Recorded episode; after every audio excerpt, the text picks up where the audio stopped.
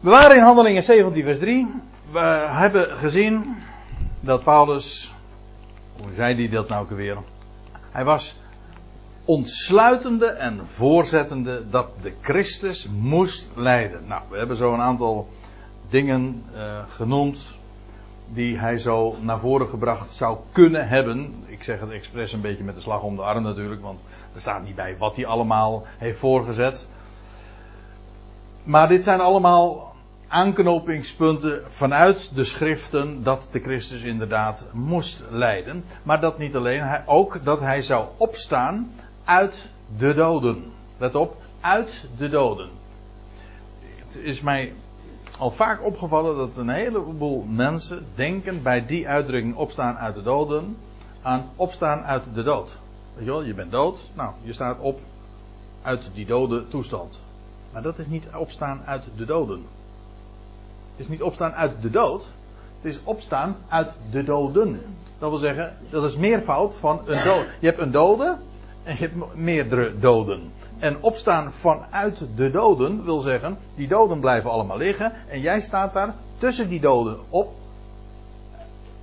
Vanuit die doden sta jij op. Dat is het idee. Dat is opstanding uit de doden. Het is dus het meervoud van een dode. Tussen de doden uit, ja. En Christus, hij zou opstaan vanuit de doden. Dus met achterlating van al de anderen in het graf, zou hij opstaan als eersteling. Christus is in alle opzichten het type, het prototype, de eersteling. En ja, ik heb hierbij gezet dat hij zomaar, met opzet natuurlijk onder andere, want er zijn vele, vele schriftplaatsen die dat aangeven. Maar Psalm 2 en 16, dat weet ik, omdat in Handelingen 2 is het Petrus, van wie we een betoog vinden op het tempelplein, die dat dan ook uiteenzet. Dat Christus zou opstaan. En dan haalt hij, en Psalm 2 aan en Psalm 16. Dat dat al daar staat geprofeteerd. En in Handelingen 13 doet Paulus dat ook in de synagoge van Antiochië. Daar hebben we het ooit bij een veel eerdere gelegenheid ook al eens een keer over gehad. Trouwens, het is zo dat als je het eerste aangetoond hebt, namelijk dat de Christus moest lijden, om vervolgens in zijn heerlijkheid in te gaan, ja, dan betekent dat dat hij dus ook uit zijn lijden verlost moest worden. En sterker, als Christus moest lijden en sterven, dan moet hij opstaan om vervolgens alsnog de koning te zijn, om de koning te zijn die zal zitten op de troon van zijn vader David. Dus het een veronderstelt het ander. Als de Christus moest lijden en sterven. En niettemin ook zou, zou heersen in heerlijkheid. Ja, dan zou hij ook moeten opstaan uit de doden. Dat is nogal wie dus. Dat is logisch. Maar dat niet alleen. Er staat, het staat ook expliciet zo beschreven.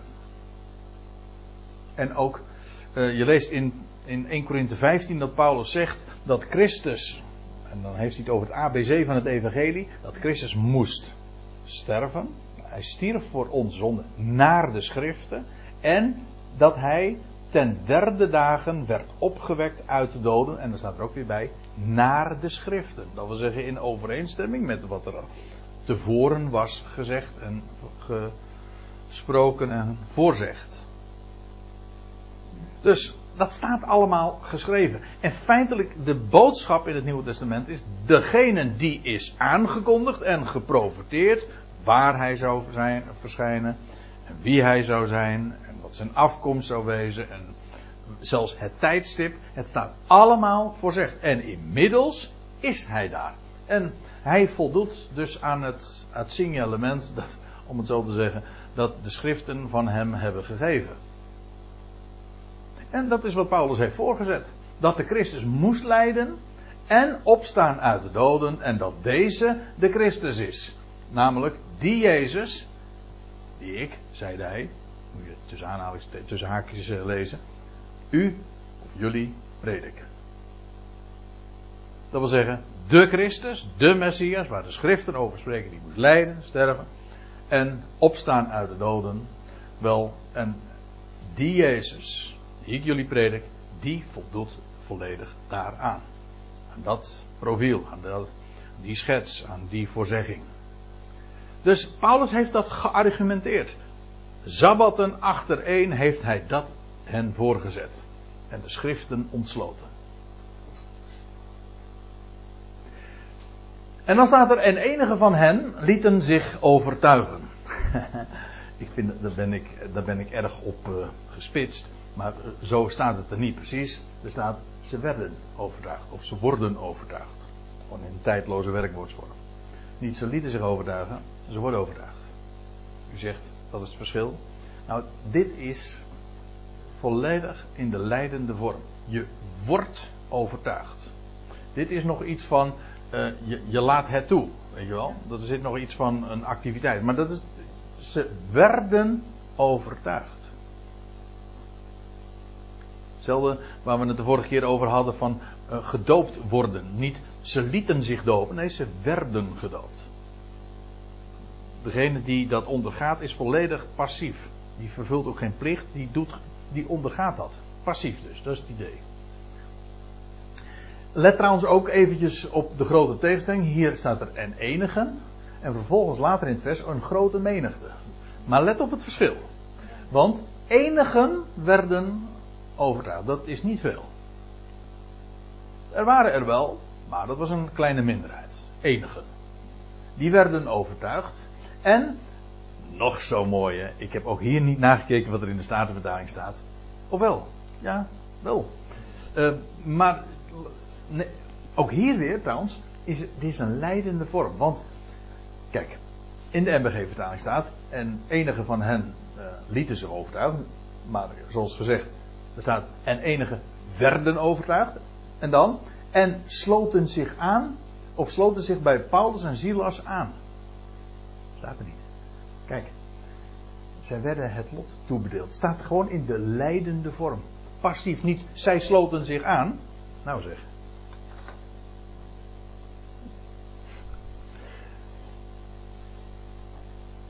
Het is de. Sorry? Ja, precies. Ja, want dat is. Heb je hem weer. Irritant. Nou. Ze werden inderdaad, staat er in de Statenvertaling, toegevoegd. En dat is inderdaad het idee. Het is de leidende vorm. Het is de activiteit van de Heer. Dat is, daar gaat het om. Niet zij sloten zich aan, dan is het de activiteit van de mens. Ze werden toegevoegd. Of, nog beter, uh, ze werden als een lot toebedeeld. Hier wordt een woord gebruikt dat heeft te maken met het lot, het lot gooien, lot werpen. Ze kregen het toebedeeld. Waar hadden we het in de pauze over, Mini? Over hè, toeval. Hè? Dat wat je toevalt. Dat overkomt je. Nou, dat is met een. Je, je wordt overtuigd. Maar ook ze werden toegevoegd. Ze werden eh, als een lot toebedeeld aan Paulus en Silas. Prachtig hoe daarbij ook weer die, ja, die goddelijke soevereiniteit belicht wordt. Het is zijn werk, zijn activiteit. En er staat erbij, en ook een grote menigte, dus enige daar in de synagoge van de Joden, maar ook een grote menigte Grieken die God vereerden. Eigenlijk staat er uh, vereerders, ziet u? Ja, het idee is inderdaad mensen die God vereren, maar er staat gewoon letterlijk vereerders. Namelijk de mensen die de God van Israël eerden. En ze worden in het uh, boek Handelingen heel vaak genoemd. Vereerders. Je leest de bekendste, denk ik, in het boek Handelingen is. Wat denkt u? Die zo genoemd wordt, een vereerder van God. Cornelius, ja. Cornelius was een vereerder van God. Hij was een Romein, een Romeins hoofdman. Hij was ook niet een uh, besneden of zo, maar hij was een vereerder van God. Hij stond ook in aanzien bij het volk, hij gaf almoezen. Maar hij was een vereerder van de God van Israël. En er ook in de, in de diaspora, in het buitenland, waren er velen die God vereerden. De God van Israël kenden en erkenden, zonder dat zij Joods, Joods waren of leefden naar de Joodse gebruiken, of besneden waren, of naar de Sabbat of de Sabbat hielden. Nee, ze, vereerden God. En erkende daarmee ook het, de speciale plaats van Israël. Zonder zich dus te voegen bij dat volk. Ze werden geen Joden genoten. Nee, ze vereerden de God van Israël. Ze sympathiseerden daarmee wel met de synagogen. Dat is een ander idee. Maar, en hier gaat het over een grote menigte Grieken die, van vereerders. Mag ik even? Ja? Ja? Nou, Griek. Er is een uitleg dat die Grieken die hiermee bedoeld zijn, Ja. eigenlijk geassimileerde Joden waren, Ja. weliswaar in de synagoge kwamen, maar eigenlijk helemaal opgegaan waren in het Griekse leven en denken van Ja. Dat is ook een uitleg. Ja, weet ik. Eh, dat heeft trouwens ook nog met iets anders te maken. En dat is dat ehm, in dit geval, dan wordt er, daar worden namelijk ook weer twee termen voor gebruikt. Maar ik denk dat het te ver voert om daar nu op in te gaan. Ik zou ook, ik kan het ook, ik heb het niet alle plaatsen daarin paraat zo. Maar er wordt namelijk gesproken over Grieken en over Grieksen. En bij die Grieksen, dat zijn die Hellenisten. Dat zijn mensen die dus vergriekst zijn. En welk woord hier dan gebruikt wordt, dat, daar blijf ik even vanaf. Dus dat weet ik niet. Maar dat is wel een goed punt. Om dat soort eh, onderscheidingen nog te maken. Ik wil trouwens op nog iets wijzen. En dat is dat die Ecclesia, die geloofsgemeenschap die daar in Thessalonica ontstond, eigenlijk bij deze gelegenheid, in deze maand, in deze drie sabbatten zeg maar, in ieder geval, dat was voor het grootste gedeelte een heidens, een, een Gooise aangelegenheid. Dat wil zeggen, niet Joods. Het waren enige Joden, zeker, maar voor het merendeel waren het mensen die uit de heidenwereld kwamen. En dat pleit dan toch weer eventjes, eh, inderdaad, als ik dit erover overweeg, dat het inderdaad gaat over mensen met een heidense, afgodische achtergrond. Hoe weet ik dat? Omdat Paulus een brief heeft geschreven aan deze gemeente in Thessalonica. En dat is niet zoveel later geweest. Ik zei al, dit is een gebeurd. Als we in, hand- over, handelingen 17 hebben, hebben we het over ongeveer het jaar 50 van onze jaartelling. Het einde van dat jaar, of. eh, ik, ga, ik zal u vertellen. Op deze presentatielaptop heb ik juist gisteren Windows 10 geïnstalleerd. Dus, eh, en dat is heel, en dat is eh, heel erg leuk. Maar, het, ja precies ja. En eh, je, je sta, ik sta nou op allerlei dingetjes van, oh ja, wacht even, hoe werkt dat nou weer precies? Gisteren moest ik lesgeven in Den Haag en toen had ik ook al allerlei dingetjes. Oh, daar had ik geen rekening mee gehouden. En nu zie, nu zie je het ook weer dus. Kijk. Maar ik ga er nog eens even goed naar, naar kijken. Dit is Windows 10 dus. ja. Maar goed. Ehm, ja. Paulus heeft dus een brief geschreven en dat is een klein jaar later geweest. En ik wil u even meenemen naar Paulus' eigen terugblik. Dus hij schrijft, als Paulus inmiddels dus Thessalonica verlaten heeft, later, eh, dus een klein jaar later, schrijft hij een brief naar dezezelfde gemeente. En dan schrijft hij dit. 1 Thessalonica 1, vers 1. En dan zegt hij, ik ga het niet heel eh, nauwkeurig allemaal lezen en, en bespreken, maar ik wil u even een indruk geven. Dan zegt hij, ik lees voor uit de MBG-vertaling, en jullie zijn, navolg, pardon, jullie zijn navolgers geworden van ons en van de Heer. En jullie hebben het woord onder zware verdrukking met blijdschap van de Heilige Geest aangenomen. Zodat jullie een voorbeeld geworden zijn voor alle gelovigen in Macedonië.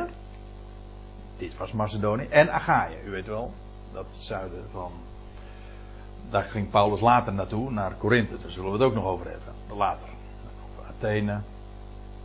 Zodat jullie een voorbeeld geworden zijn voor alle gelovigen in Macedonië en in Achaia. Want uit uw midden heeft het woord des Heren weer klonken.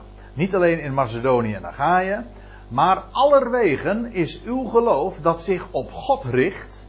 Mooi hè? Dat uw geloof dat zich op God richt bekend geworden, zodat wij daarvan niets behoeven te zeggen. Met andere woorden, lees even goed wat hier staat. Wat hier in Thessalonica plaatsvond, daar is een enorme sprake van uitgegaan. Dus overal werd gesproken over dat wat daar in Thessalonica plaatsvond.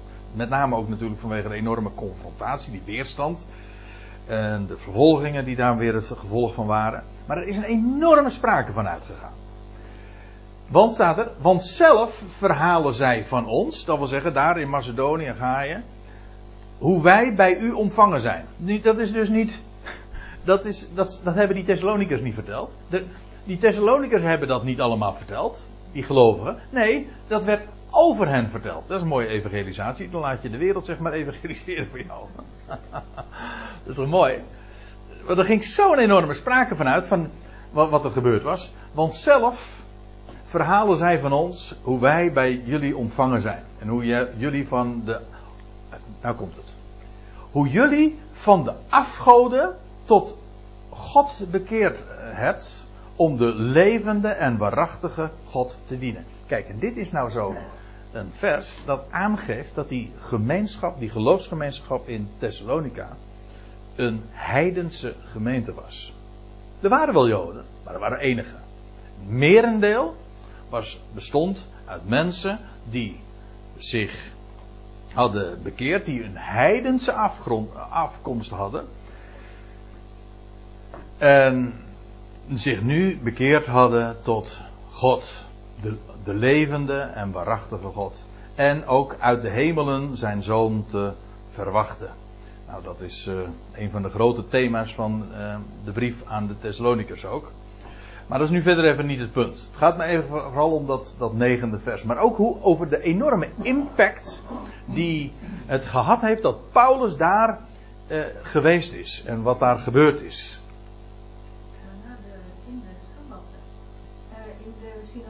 Dat dit gebeurde, bedoel je? Ja, maar ik bedoel bij de Joden. Ondanks dat dat heidenen waren. Ja, ja, precies. Maar kijk, weet je wat. Uh, en dat is nou ook weer een, punt. Kijk, wat daar verteld wordt over in het begin van het boek. Of in het begin van Handelingen 17. Is dat Paulus drie sabbatten daar in de synagoge. Uh, wat hij gedaan heeft.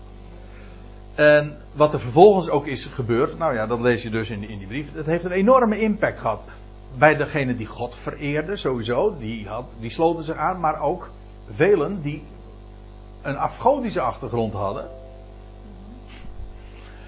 Die hebben, uh, die, die zijn door dat woord geraakt en hebben zich ja, tot God gekeerd. En dat vind ik mooi, want dat is eigenlijk gewoon het, het idee van je ze hoorden van de waarachtige God en, en ze keerden zich daarmee af van de afgoden. Die ze voorheen dus kenden en dienden. Dus dat ze, wat ik er ook mee wil zeggen is, uh, het is niet waarschijnlijk dat dat allemaal in die drie weken is geweest. In die drie sabbaten.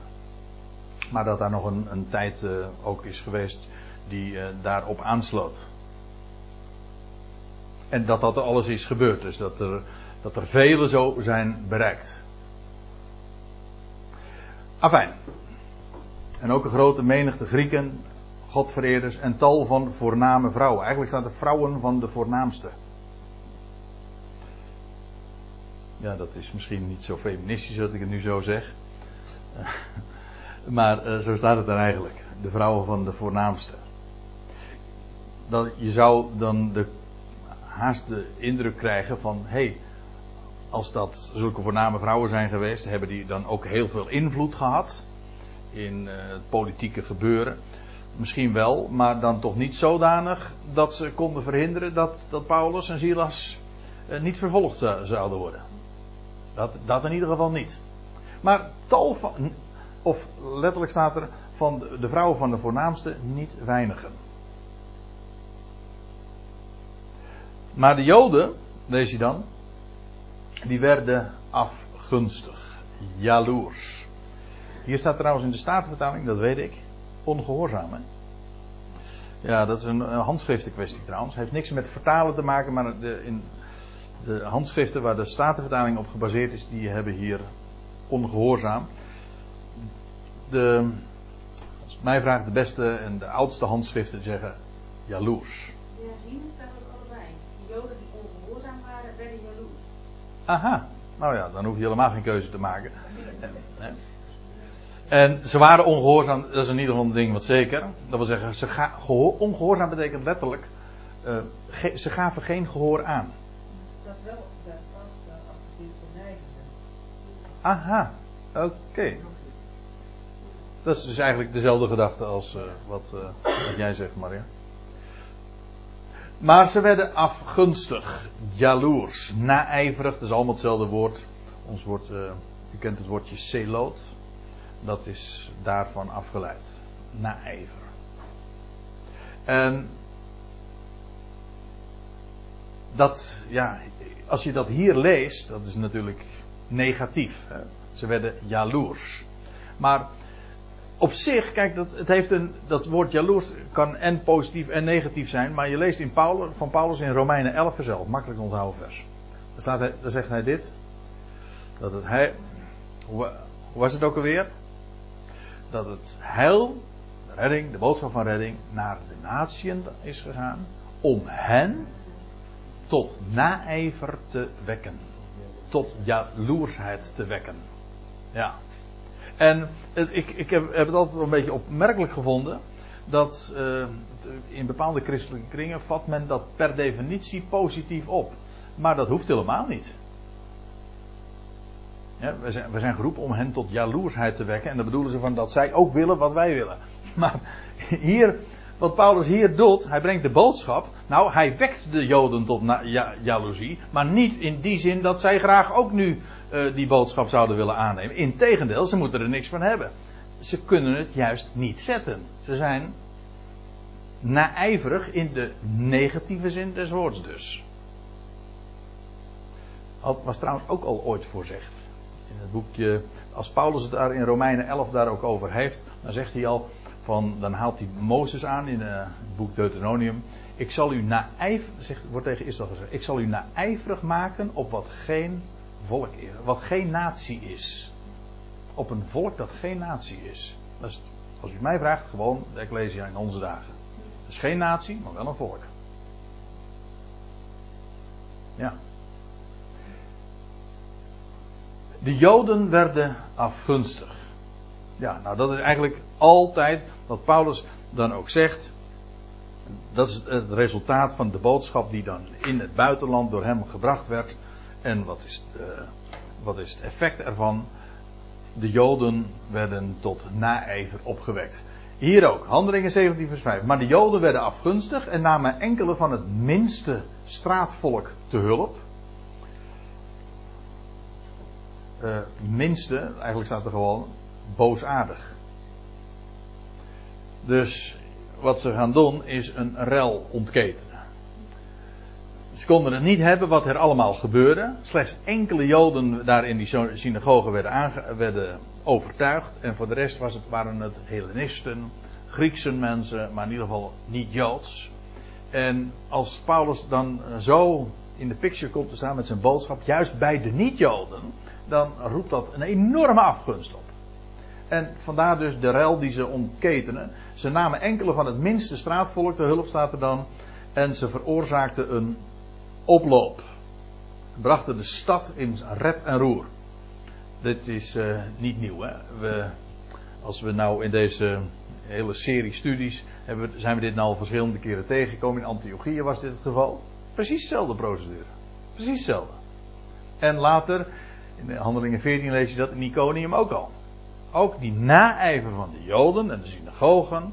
En die dan vervolgens een rel veroorzaken in, uh, daar in de omgeving. En ze stormden uh, op het huis van Jason. Die we trouwens verder rest niet kennen. Nou ja, we weten in ieder geval uit vers 7 dat het een, de gastheer was van Paulus en Silas. We zullen dat straks nog zien. Nou ja, straks. Weet ik niet meer. Maar in ieder geval. Uh, hij was de gastheer van Paulus en Silas. En mogelijk noemt Paulus hem ook. Of verwijst hij naar hem in handeling of in Romeinen 16. Dan zegt hij ook van doe de groeten aan Jason. Dat is dezelfde naam dus. Of dezelfde persoon is, dat hangt er nog om, maar in ieder geval dezelfde naam.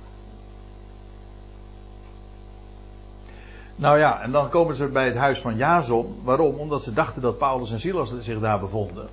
Uh, met de bedoeling hen voor de volksvergadering te brengen, om hen voor te leiden. Want ze wilden hen een proces aandoen. Daar hadden ze, dat was allemaal uitgekiend. Want wat lees je dan?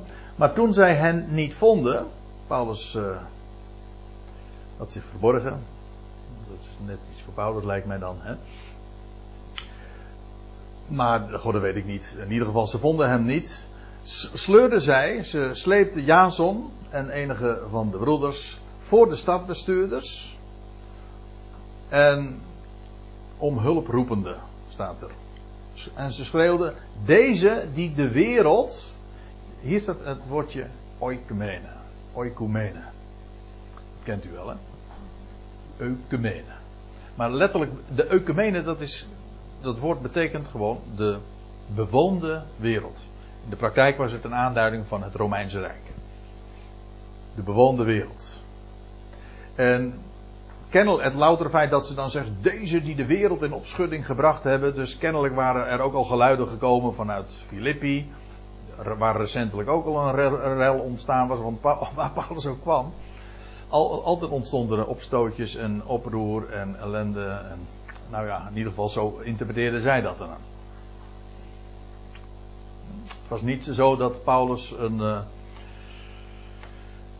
daar uh, heel neutraal een, uh, een boodschap achterliet. En nou ja, dat konden ze voor kennisgeving aannemen. Al, dat woord deed altijd wat. Het riep heel veel heftige reacties op. Nou, dan lees je ook dat ze schreeuwen: Deze die de wereld, de bewoonde wereld, in opschudding breng, gebracht hebben. Leuk. Er staat opschudding. Weet je wat er letterlijk staat? Anastato. En dat betekent letterlijk opstand. Het woordje opstanding is anastasis. Opstand. Wij gebruiken dat woord ook, opstand. Maar Paulus predikte geen opstand. Paulus predikte opstanding. Dat is een groot verschil. Paulus dus niet de revolutie, wel dat er een grote revolutie heeft plaatsgevonden. Een omwenteling. De steen die omgewenteld is. Hè. Nou ja, dat is dus wat ze dan roepen. Om de stemming daar, eh, om de sfeer daar goed eh, neer te zetten. Deze die de bewoonde wereld in opstand gebracht hebben, zijn nu ook hier gekomen. Eerst er in Filippi, ik hoor het ze, je hoort het ze zeggen. En nu ook hier in Thessalonica. En Jason heeft hen in zijn huis opgenomen. Met andere woorden, hij is medeplichtig. En zij, hand, en zij, dat is dan de beschuldiging, en zij handelen allen in strijd met de, letterlijk de besluiten. Hier staat het woordje dogma. In meervoud, dogmata. De, de besluiten van de keizer. Hoe dan wel? Wel door te beweren dat er een andere koning is, namelijk Jezus. Let er trouwens op, er staat hier een andere, maar eh, eigenlijk een andersoortige koning. En dat, dat klopt wel trouwens. Want Jezus is een andersoortige koning. En u begrijpt, dit is natuurlijk, dit ging er wel in. En dit, ze maakte, de, de, het bestuur maakte ze heel, de stadbestuur maakte ze afkerig en verontrustte ze. Maar dit was natuurlijk een valse aanklacht. Paulus predikte de opstand. Maar geen ops, pardon, de opstanding. Geen opstand. Nergens lees je in Paulus' brieven dat hij een politieke agenda had. of eh, iets wilde doen, het, eh, de overheden wilde omverwerpen. Integendeel, hij riep altijd op om zich te onderschikken aan de overheden en aan de autoriteiten. Dus dit was gewoon vals. Maar het ging er wel in, want er staat er, en ze maakten de bevolking en de stadbestuurders die dit hoorden ongerust. Want als er iets is waar ze niet van gediend waren, dan was er wel onrust in hun, binnen hun gelederen en in hun, uh, binnen hun gezagsgebied. Doch toen deze van Jason en de anderen een borgtocht, borgtocht hadden ontvangen, lieten zij hen vrij. Ja, ze hadden onvoldoende aanleiding om nu hen gevangen te houden. En op borgtocht lieten ze hen vrij.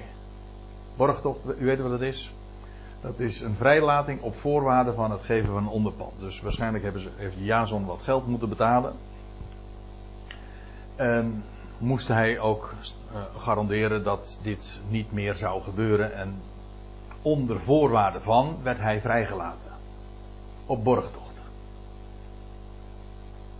Je leest trouwens dat later wilde Paulus weer terug naar Thessalonica. Maar dat, dat lukte niet. Hij wilde weer terug naar Thessalonica. Maar hij werd verhinderd. In hoofdstuk 2, vers 18 van de eerste Thessalonica-brief lees je dat hij dit zegt. En zoals eerder gezegd, dat is ongeveer een, een klein jaar verder. Wij, of liever ik, Paulus, heb namelijk één en andermaal tot u willen komen. Paulus weer wil terug naar Thessalonica. En maar wat zegt hij dan? Doch de Satan heeft het ons belet. En bij Satan denken wij meteen aan iemand, een uit de geestelijke wereld, maar dat hoeft niet per definitie. De Satan is gewoon de tegenstander. En dat kan hier ook gewoon heel goed slaan op het stadsbestuur. De tegenstander heeft het ons belet. Hij, hij wilde terug naar Thessalonica, maar hij kon er gewoon niet in. Want ja, er was al zoveel gedonde geweest over zijn verblijf daar. En nu Jason, die was op borgtocht vrijgelaten. Maar u begrijpt wel dat Paulus er dan uh, natuurlijk ook niet meer in kon. In ieder geval, later, een, klein, een klein jaar later zegt Paulus dat van ik heb, ik heb nog tot u uh, willen terugkeren, maar een en ander maal, maar het is me niet gelukt, het is mij door de tegenstander belet. En dan lees je in vers 10, maar de broeders die zonden terstond, meteen dus onmiddellijk, in de nacht Paulus en Silas naar Berea. Ik heb het u al even laten zien. Dat is 55 kilometer verderop. Dat is ongeveer hetzelfde plaatje wat ik hier zie. Dit is Thessalonica. En dan gingen ze nog meer westwaarts. En daar ligt het plaatsje Berea. En u, waar kent u Berea van? Juist, ja. Mooi hè? Ja, ik, ik heb het onderaan mijn website heb ik het ook staan. Een verwijzing naar Handelingen 17 vers 11. Daar lees je. Nou ja, goed. Uh, ze gaan dus. Paulus en Silas die, uh, die, die moeten maken dat ze wegkomen. Ze gaan naar Berea toe. En daar aangekomen gaan zij ook naar de synagoge der Joden. En daar maken ze iets mee wat erg uniek is. Want er staat er, en deze onderscheiden zich gunstig. Als u een statenvertaling hebt, staat er letterlijk, ze waren edeler.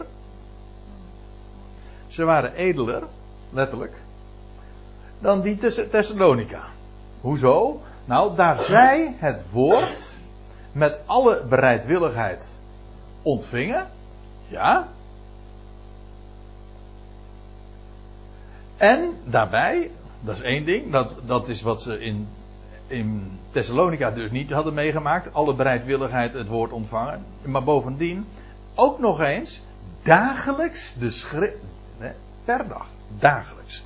Dagelijks de schriften nagingen of deze dingen zo waren.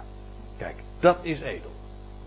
Dat is geweldig. Een, een geweldige getuigenis van die Joden daar in Berea, die zich zo onderscheiden. Wat deden ze? Ze hoorden Paulus bereidwillig aan en vervolgens gingen na. Paulus, wat Paulus deed was toch argumenteren vanuit de schriften. Nou, en wat ze doen? Nagaan. Dagelijks, dagelijks checken. Klopt het? Klopt het?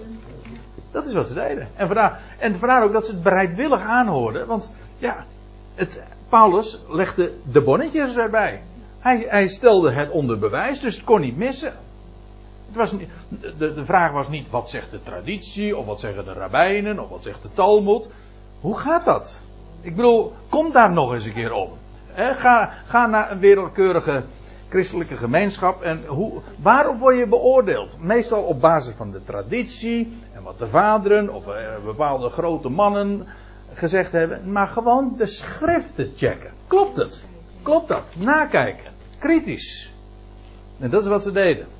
daarom waren ze zo edel. Dagelijks de schriften nagingen of deze dingen zo waren. En nog, nog één ding. Dat uh, waar ik mee wil afsluiten. Hier staat dat nagingen, dat is letterlijk het woordje ana, dat is het Griekse woord anakrino. En u ziet hier in de interlineair, dat is vragend onderzoeken. Dat woordje anakrino, dat komt ook, dat komt wel, wel vaker voor, maar ook in 1 Korinthe 2 vers 15. En daar wil ik u nog even tenslotte mee naartoe nemen. Dan lees je dit. over de geestelijke mens. De pneumatische mens. Degene die zich door de geest laat leiden. En sommige mensen denken daar meteen van, oh, die, dat zijn van die zwevers. Weet u wat een geestelijke mens is? Wie, als je pneumatisch bent, gewoon je door de geest laat leiden. De geestelijke mens staat er, beoordeelt alle dingen. Ja, zo staat het in onze vertaling. Maar weet u, hier staat exact datzelfde woord. Anacrino.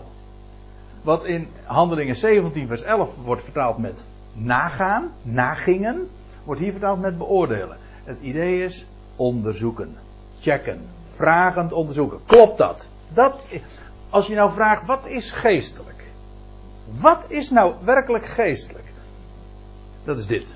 Dat is nagaan in de schriften of deze dingen zo zijn. Alles. Klopt het? Hè?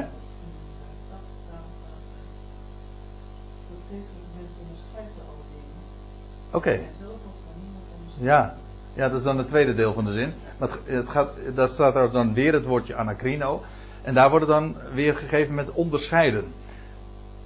Maar het is, daarom vind ik het zo bijzonder. Het is hetzelfde woord, en daar gaat het me nu even om, als hier in, in Handelingen 17 verzelf. Wat zij deden is in de schriften nagaan. Dat is een activiteit, dat is een werkwoord. Wat dan? Checken, controleren, onderzoeken. Dat is wat het is. Dat is geestelijk. De schrift, met de schriften bezig zijn en je daardoor laten voorlichten. Dat is wat die mensen in Thessalonica deden. Nou, dat lijkt mij een heel edel voorbeeld. En ik stel voor dat we het daar voor vanavond maar eens eventjes bij gaan laten. En dan gaan we de volgende keer dus verder bij Handelingen 17 vers 12. Maar dat wordt dan volgend jaar.